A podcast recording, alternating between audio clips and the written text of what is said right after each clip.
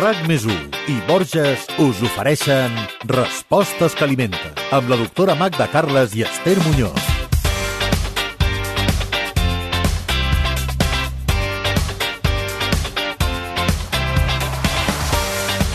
Qui més qui menys ha observat que amb el pas dels anys la pell comença a tenir menys to i que algunes zones del cos, com per exemple la part interna dels braços o de les cuixes, sembla que comencin a estar més influenciades per l'efecte de la gravetat. Això és la flacidesa. Tot i que forma part del procés normal de l'envelliment, és interessant saber quin paper hi juga la dieta. La pregunta és, per tant, avui, què cal menjar per prevenir la flacidesa? Una pregunta que ens ajudarà a respondre com cada 15 dies aquí al Respostes que alimenten la doctora Magda Carles.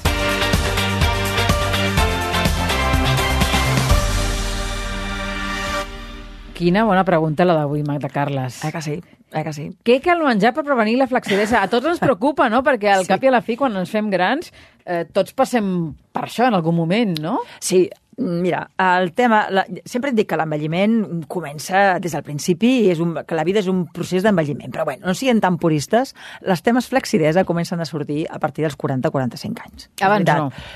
A no ser que tinguis uh, uns canvis de pes increïbles, que per cert, els canvis de pes és una de les causes de la flacidesa. El canvi brusc Els de canvis pes. i continuats, no? Aquestes persones que varien tant d'un any a l'altre i que fan 10 quilos amunt, 10 quilos avall. Clar, lògicament, la pell, que és el nostre recobriment, doncs se'ns queda ressentida. Se'n no? ressenteix, no? Evidentment, I evidentment. Potser pots fer esport, eh, pots anar al gimnàs, intentar treballar-ho, però clar, si és molt recurrent, Clar. clar. al final deu ser complicat, no? És una de les causes per les quals no s'ha de fer canvis de pes tan seguits i tan, i tan bruscos, no? Mm. Doncs si et sembla, anem a PAMS i, i expliquem eh, en primer lloc mm, una miqueta com funciona la pell, perquè la pell és un òrgan. Sí, que és una cosa que a vegades la gent, quan dius òrgan, se li correix al cor, al fetge, als ronyons. Però no, la pell també és un òrgan. La pell també és un òrgan i realment molt important. De fet, és els que pesa més, pesa més de 4 quilos, i és que és el, aquest, aquesta espècie de recobriment fantàstic que tenim tots a tots els llocs del cos perquè no hi ha un lloc on hi hagi pell. Als llocs que hi ha orificis hi ha, hi ha epiteli, però és un tipus de pell també, vull dir que importantíssim. Si no, Esther, estaríem en contacte amb l'exterior. Clar, per què serveix exactament aquest envoltori que tenim, Doncs el primer per, per, per aïllar- aïllar-nos de, lo- de l'exterior. Tu imagina't que eh, hi ha fum i que no tinguéssim pell i que, aquesta, que aquest fum doncs, eh, es, es posés dintre el nostre cos, no? a, tot, a tota la superfície. Seria fatal. Però és que a part ens dona també sensació de tacte. Nosaltres sabem, si jo estic tocant la taula, doncs la pell em dona informació no? de què és el que està passant. Sí o no? Però és que a part d'això també regula la temperatura mitjançant la suor i la vasodilatació. Vull dir que la pell té, té, té, té el seu rotllo. Eh? Clar, a més a més està molt exposada a tot Clar. el que és extern. Evidentment, és, la, és el que ens fa relacionar amb l'exterior. És el límit entre el nostre interior i l'exterior, entre i la pell. Què, què passa quan la gent es crema i diuen té tant per cent de pell cremada? Per què a partir d'un tant per cent de, de cremats la gent ja no sobreviu? Doncs perquè aquest aïllament no el tenim i, i la, la vida és impossible. No? O sigui que la pell no és només un recobriment per mirar si hi ha arrugues o no, o si és maca o no, sinó que realment és vital. La Té- pell és vital. Sí, sí, té una funció vital, no? Ens explicaves que el tema de la flacidesa eh, eh, doncs depèn sobretot d'aquests canvis bruscos de pes. Únicament d'això, No, no, Magda? no, no. Això, això, això és un motiu que es pot trobar a qualsevol edat, però, però clar, el, segon, el, motiu, el motiu de la flacidesa és l'envelliment. Eh? És a dir, aquesta pell que està conformada per diverses capes i que té tot, tot, tot una composició, doncs amb el temps, com altres òrgans, doncs va perdent. I què és el que perd? Què és el que fa que la pell aquesta es vegi com més, amb menys to? Allò que dius, ai, no està tan, no està tan fort això, sembla que sigui com... No? A veure, tu mires, per exemple, per darrere, posem-hi, no? una noia de 20 anys, val? i una senyora de 50 o de 55, i la mires que tinguin el mateix pes, la mateixa alçada, i que les dues estiguin en forma. Per més iguales que estiguin, tu veuràs que la pell de la de 55 la veus diferent. És el tret diferencial entre una i altra, eh? És un dels tres diferencials. O sigui, mm, la pell no té la mateixa, diguéssim, solvència quan ets més gran. Ja ho veus, no? La prova està que quan tu poses una cosa que t'apreta una mica, quan ets jove la pell queda llisa i quan ets més gran queda per sobre, encara que no hi hagi greix. És a dir, queda com més tou, no? Aquell recobriment es va, es va tornant com més, menys, menys textura. Mhm. Posaves l'exemple d'una dona de 20 anys i una dona de 50. Um, el cas seria igual si parléssim d'homes? Sí, El tema sí. de la flacidesa afecta igual homes que dones? Evidentment que la pell d'un home de 50 anys tampoc és igual que el, que el, que el d'un senyor de, de 20, òbviament. El que passa és que els homes tenen l'avantatge que ja d'entrada tenen la pell com més gruixuda, ja per constitució, i tenen més massa muscular, que cosa que hem dit moltes vegades, no? La composició d'homes i dones és diferent, però l'envelliment és per tothom, òbviament, eh? Per tant, és més normal veure flacidesa en dones que en homes. És més manifest, és en general, en general, perquè si jo trobo un home que ha tingut canvis de pes i que ara està prim, ara, doncs, tam també ho veurem. Depèn, és, és, és molt de cada persona, això, eh? Magda, parlant del, dels canvis de, de pes, quina diries tu que ha de ser la pèrdua de pes perquè no hi hagi, no aparegui aquesta flacidesa? Mira, la pèrdua de pes, que encara que avui no parlem de, de pes, però sí que és veritat que és important que sigui a poc a poc. Quan tu perds, que això ho hem dit moltes vegades, una pèrdua de pes saludable, encara que en sobrin molts de quilos, ha de ser lenta. I ja sé que la gent perd molt la paciència amb això, però per, per molts motius té que ser una pèrdua que no vagi més enllà de mig quilo, un quilo la setmana especialment si tens més de 50 anys, ets una dona, que el teu metabolisme ja té, ja, ja, ja té un recorregut, m'entens? Quins avantatges té això? Primera, doncs que la pell, entre altres coses, tindrà menys possibilitats de tindre flacidesa. No vol dir que sigui una garantia, però com que va més a poc a poc, doncs hi ha menys possibilitats de que la- l'elastina i el col·làgen doncs, se puguin adaptar a aquest canvi de volum. No? Però és que, a més a més, quan tu dones més temps per aprimar-te, el cap també és habituant a una forma diferent de menjar, a fer més exercici. Pensem que aprimar-se no és només fer una dieta, és moltes vegades fer un canvi d'estil de vida. I això necessita un temps. I tant, sí, sí. És un canvi quasi de filosofia de vida per I tant, moltes persones. i tant, i eh? tant. I a més a més, després també una de les coses que succeeix és que quan la gent perd el pes molt ràpidament, es produeix l'efecte rebot. Exacte. Aquest és un altre dels inconvenients. Perquè si tu, amb un organisme, el, de fet, menjar poc no deixa de ser una agressió, menjar molt poc, me refereixo. Quan tu estàs sotmetent aquell organisme a una alimentació insuficient, l'organisme s'espavila, perquè estem dissenyats per sobreviure, però, evidentment, baixa el metabolisme. Què vol dir això? Doncs que per viure cada dia, l'organisme se les empesca perquè tu tinguis que gastar menys energia. Clar, diu, bueno, a mi no em donen menjar, doncs jo gastaré menys. Què passa quan tu tornes a l'alimentació més normalitzada? Aquell organisme ha quedat com enlentit i amb les, amb les calories normals fas una engreixada increïble. O sigui que cuidado amb aprimar-se molt de pressa perquè té molts inconvenients. Entre ells, que la pell també és més fàcil que quedi doncs, feta malbé. Sí, sí, tocada, no? Aquesta és l'explicació de, de l'efecte rebot també d'alguna manera. I, I podem evitar-ho d'alguna manera, a través de la dieta, a través del menjar, eh, evitar aquesta aparició de la flacidesa d'alguna manera, Mira, Magda? uh, jo penso que hi ha diversos pilars de la flacidesa, no? Primer és el, el fet de que això, de tenir un pes estable, el més estable possible, fer exercici, perquè no oblidem que hi ha flacidesa de la pell, però també hi ha flacidesa muscular. No oblidem que a partir dels 45-50 anys la musculatura tendeix a fer-se més, més, més petita. Clar, se sumen dues coses a partir dels 40. Si tendim a tenir menys musculatura i a sobre la pell que ho recobreix té menys to, què passa? encara que, encara que estiguis bé de pes, allò tendeix a estar més arrugat i més flàccid, no? Per això a vegades veiem persones que realment estan primes, però com una mica penja les coses, no? Per tant, contra la flacidesa de la musculatura és l'exercici que hi podem fer. Amb la flacidesa de la pell és més complicat. Però clar, és evident que si jo tinc una musculatura potent a sota, es, la, la pell estarà molt més llisa. No? Això per, tant, positiu. per tant, la primera norma és tenir la musculatura a to fer exercici. I una dieta, òbviament, té molt que veure perquè hem dit que la pell és un òrgan, no? Doncs, home, què necessita la pell per, per estar bé? El primer, una aportació d'aigua que sigui suficient, perquè no oblidem que l'aigua està, com hem dit moltes vegades, al nostre organisme, a les cèl·lules, a per tot. I el segon, una alimentació que sigui equilibrada. No? Per tant, per començar aquest litre i mig, dos litres, Clar, homes i dones clar. d'aigua al Sí. dia, i pel que fa a aliments, pel que fa Mira, a àpats... eh, el, el, el que manté la textura de la pell, entre altres coses, són les proteïnes com el col·làgen i l'elastina. Per tant, és important que hi hagi un aport proteic suficient. Què és el que no li va bé a la pell? Doncs segurament aquestes dietes que poden ser que no tenen proteïnes o amb poques proteïnes, perquè clar, els aminoàcids que fan el col·làgen i l'elastina són necessaris per fer, per fer diguéssim, la pell, per fer la textura, per, per, perquè això funcioni.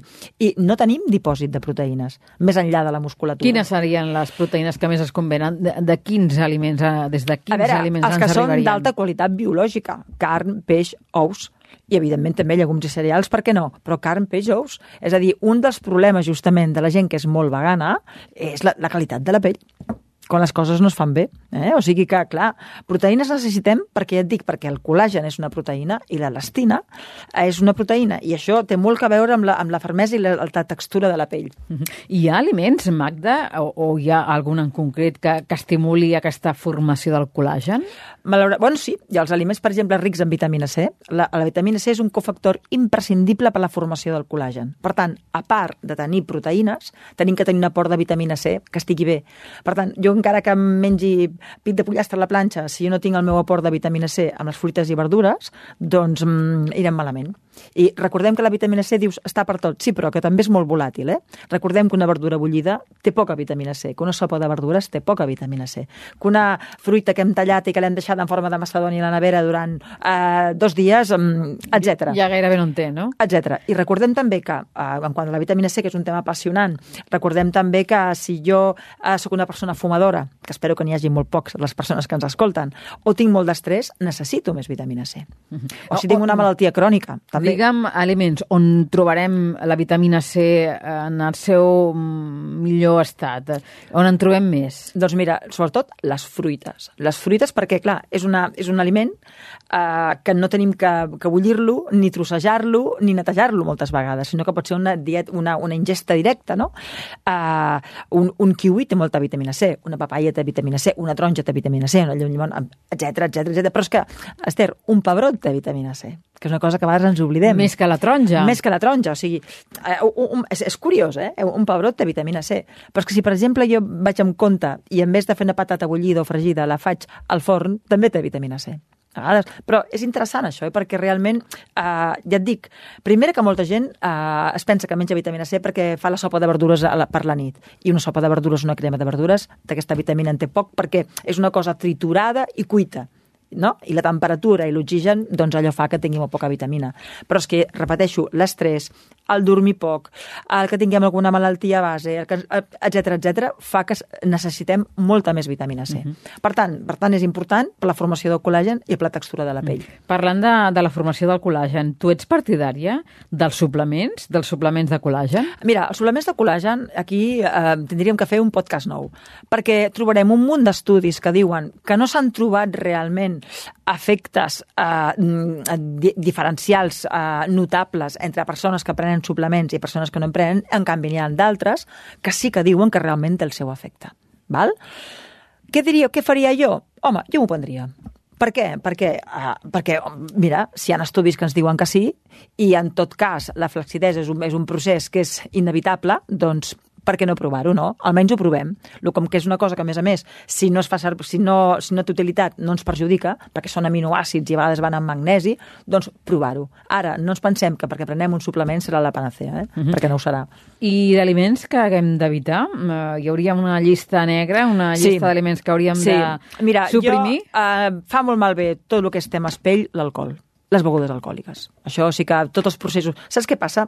La pell té una capa còrnea que es va regenerant eh, i té tot un metabolisme que és, que és, que és molt interessant. No? Amb l'edat, la regeneració de la pell cada vegada és més lenta. Si tu t'hi fixes, quan et fas una ferida quan tens 12 anys, al cap de dues hores no veus ferida.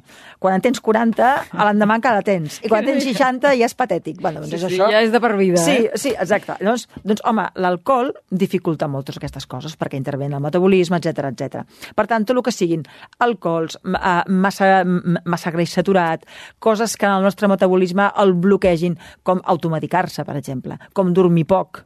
El dormir, per exemple, que mai en parlem, però el dormir és un tema que s'ha vist que influeix en la qualitat de tot l'organisme, en totes les seves funcions. Fixa, si l'hora de dormir serveix per regenerar eh, neurotransmissors, cèl·lules i tal, què passa quan només dorms 6 hores o 5? Sí, sí, a casa meva on sempre... Queda, on queda, diguéssim, el, el, les hores perquè el teu cos es torni... És com una bateria de mòbil. Sí, sí, si tu no el poses a carregar, com vols funcionar l'endemà? Impossible, impossible. A casa meva sempre ho deien, no?, que el dormir era com el menjar, igual. Doncs estic bastant d'acord. Al mateix nivell. Estic bastant d'acord. Mira, s'està veient que inclús persones que no dormen tenen més malalties, tenen més malaltia mental, són més propenses a, a baixades de la immunitat, a més infeccions. És important dormir, eh? Això mm, durant molts anys s'ha banalitzat, no? perquè que estem en aquesta cultura de quan més productivitat millor, doncs sembla que la persona que dormi poc i treballi molt, que bé. No, no, no. És que dormir, fer exercici, menjar, és importantíssim. I et diria més, quan més gran, més important. Uh -huh. Més important, perquè és veritat que de gran necessites menys, però necessites. Perquè si tot el cos ja va més a mig gas, si tens menys absorció de nutrients, si tens menys tendència que tot, ets una carcassa ja més tirant de l'antiguitat, uh -huh. doncs... Història, és, sí, ja fas història. És normal, és normal que necessitis més repòs, no? I és una cosa que les persones jo crec que tindrien que tenir un compte, però d'una forma simpàtica. Quan més gran et vas fent, més et tens que cuidar. Mm -hmm. Això és així. Escolta, Magda, un dubte que tinc. Eh, què passa amb les persones veganes, no? Eh, sí. Si som vegans, eh, tenim eh, més tendència a tenir aquesta pell eh, flàcida, eh, aquesta flacidesa? Home, si és un vegà que no posa suficient dosi de proteïnes, és a dir, eh, diguéssim que no combina bé les proteïnes vegetals, que no pren els seus suplements, doncs és molt possible que tingui més flacidesa. Clar que sí, clar que sí. No, no, és que, a, a més, és que el, el col·làgin de l'elastina és que són proteïnes, és que està claríssim, vull dir, aleshores, i repeteixo, no tenim dipòsit de proteïnes. Mm -hmm. Com podem, és a dir, jo puc estar un dia sense glucosa que jo prengui cap carbohidrat i el cos va als greixos i obté un carbohidrat. Però és que les proteïnes ara hi ha un moment, eh, o sigui, no tenim Quan s'acaben, s'acaben. Quan s'acaben, s'acaben, exacte, exacte. I què passa amb la irradiació solar? Ah, doncs mira, parlem-ne. És una de les causes més, més importants de l'envelliment cutani. Eh? I segons els dermatòlegs també contribueixen a la flacidesa. Sí? Sí, perquè clar, vull dir, radiació solar mm, amb desmesura i amb pells poc preparades i sense protecció. Doncs perquè ho fa malbé, perquè els rajos del sol fan malbé la pell, amb, amb, quan hi estàs molt, molta estona sense protecció i tens un fototipus que és sensible. Ja ho diem, eh? el sol poc, ho hem dit moltes vegades, això, Esther. El sol, poquet. Mm -hmm. És aquestes... necessari, però amb poca dosi. -hmm. I aquestes cremes que se'ns publiciten contra la flacidesa, tu quina opinió en tens al respecte? A veure, jo són efectives que, o no? A veure, jo, jo, jo crec que són, són cremes que nodreixen a nivell d'epidermis, perquè pensem que aquestes cremes tenen una penetració molt, molt petita. Per tant, sí que és veritat que eh, eh, milloraran l'aspecte, eh, guardaran més la, la pell, l'aigua la, la, la, de la pell, és a dir, protegeixen. Ara, Mm, tenen efecte sobre l'elastina i el col·làgen? Realment jo em penso que no. Realment jo em penso que no. Perquè, repeteixo, de què, de, de què depèn la fermesa de la pell? De la, del funcionament i quantitat de, de, de col·làgen i elastina que tinguem a dintre. I, per tant, una crema no té aquest efecte, uh -huh. de moment, no? Uh -huh. Ara ja hem sortit de, de l'apartat nutricional, eh, ja no estem parlant d'aliments, però eh, no em vull deixar un últim tema, que són aquests tractaments com eh, l'indiva o aquesta aparatologia. Uh -huh. A tu què et semblen? Hi ha coses que tenen el seu efecte, òbviament, perquè si estem parlant de que la pell és, és un òrgan amb, tot els seus, amb tota la seva vascularització, amb tot el seu funcionament, doncs si un d'aquests aparells el que fa és estimular la circulació o senzillament fa un estímul que provoqui eh, que hi hagi més col·làgen, doncs per què no? Depèn de l'aparell, eh? depèn de l'aparell. Però sí que és veritat que hi ha, hi ha una sèrie de, diguéssim, de tractaments que poden millorar-ho. Uh -huh. Ara, desenganyem-nos, amb l'edat, amb l'edat la cosa va menys. Eh? Tot es complica, oi que sí? Sí, sí. I escolta'm, eh, ara ja tornant sí al nostre tema, que és el tema de la nutrició i parlant d'aquests capricis saludables eh, que estem fent la llista durant aquesta quarta temporada, algun plat eh, saludable antiflaxidesa existiria? Mira, jo te'n diré un que és molt que a mi m'agrada molt i que, i que jo penso que realment va molt bé perquè són proteïnes i és vitamina C en el mateix caprici. A mi m'encanta el que és el, un, un rotllet de pernil de gla amb pinya. Oh! Perquè, eh, a part, a part de, de que és boníssim, doncs té proteïnes d'alta qualitat i té la vitamina C de la pinya. I la combinació és divina, eh? Divina. Doncs vinga, eh? anotem a l'agenda i a preparar-lo. Respostes que alimenten. Amb la doctora Magda Carles i Esther Muñoz.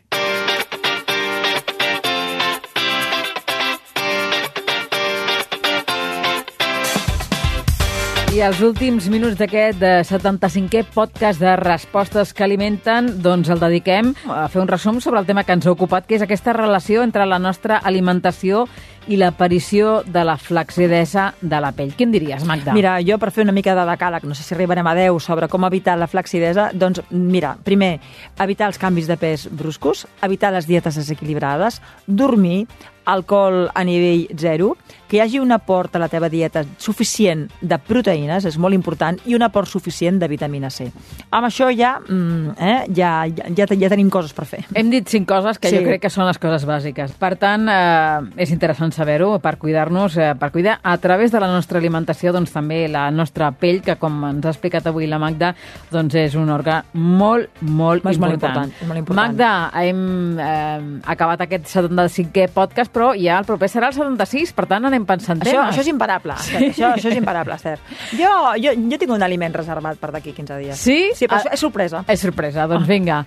Ens esperem 15 dies i tornem parlant d'aliments que ens convenen a la nostra dieta. Que vagi molt bé. Adéu-siau. Adeu.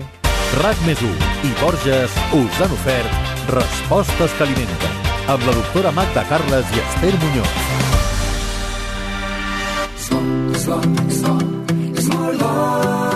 Cuidar-se és el més important. A Borges sempre et portem els productes més naturals perquè cuidem la terra que ens els ofereix i els elaborem de la manera més sostenible possible, com la nova ampolla d'oli feta en plàstic reciclat. Borges. Que bo que és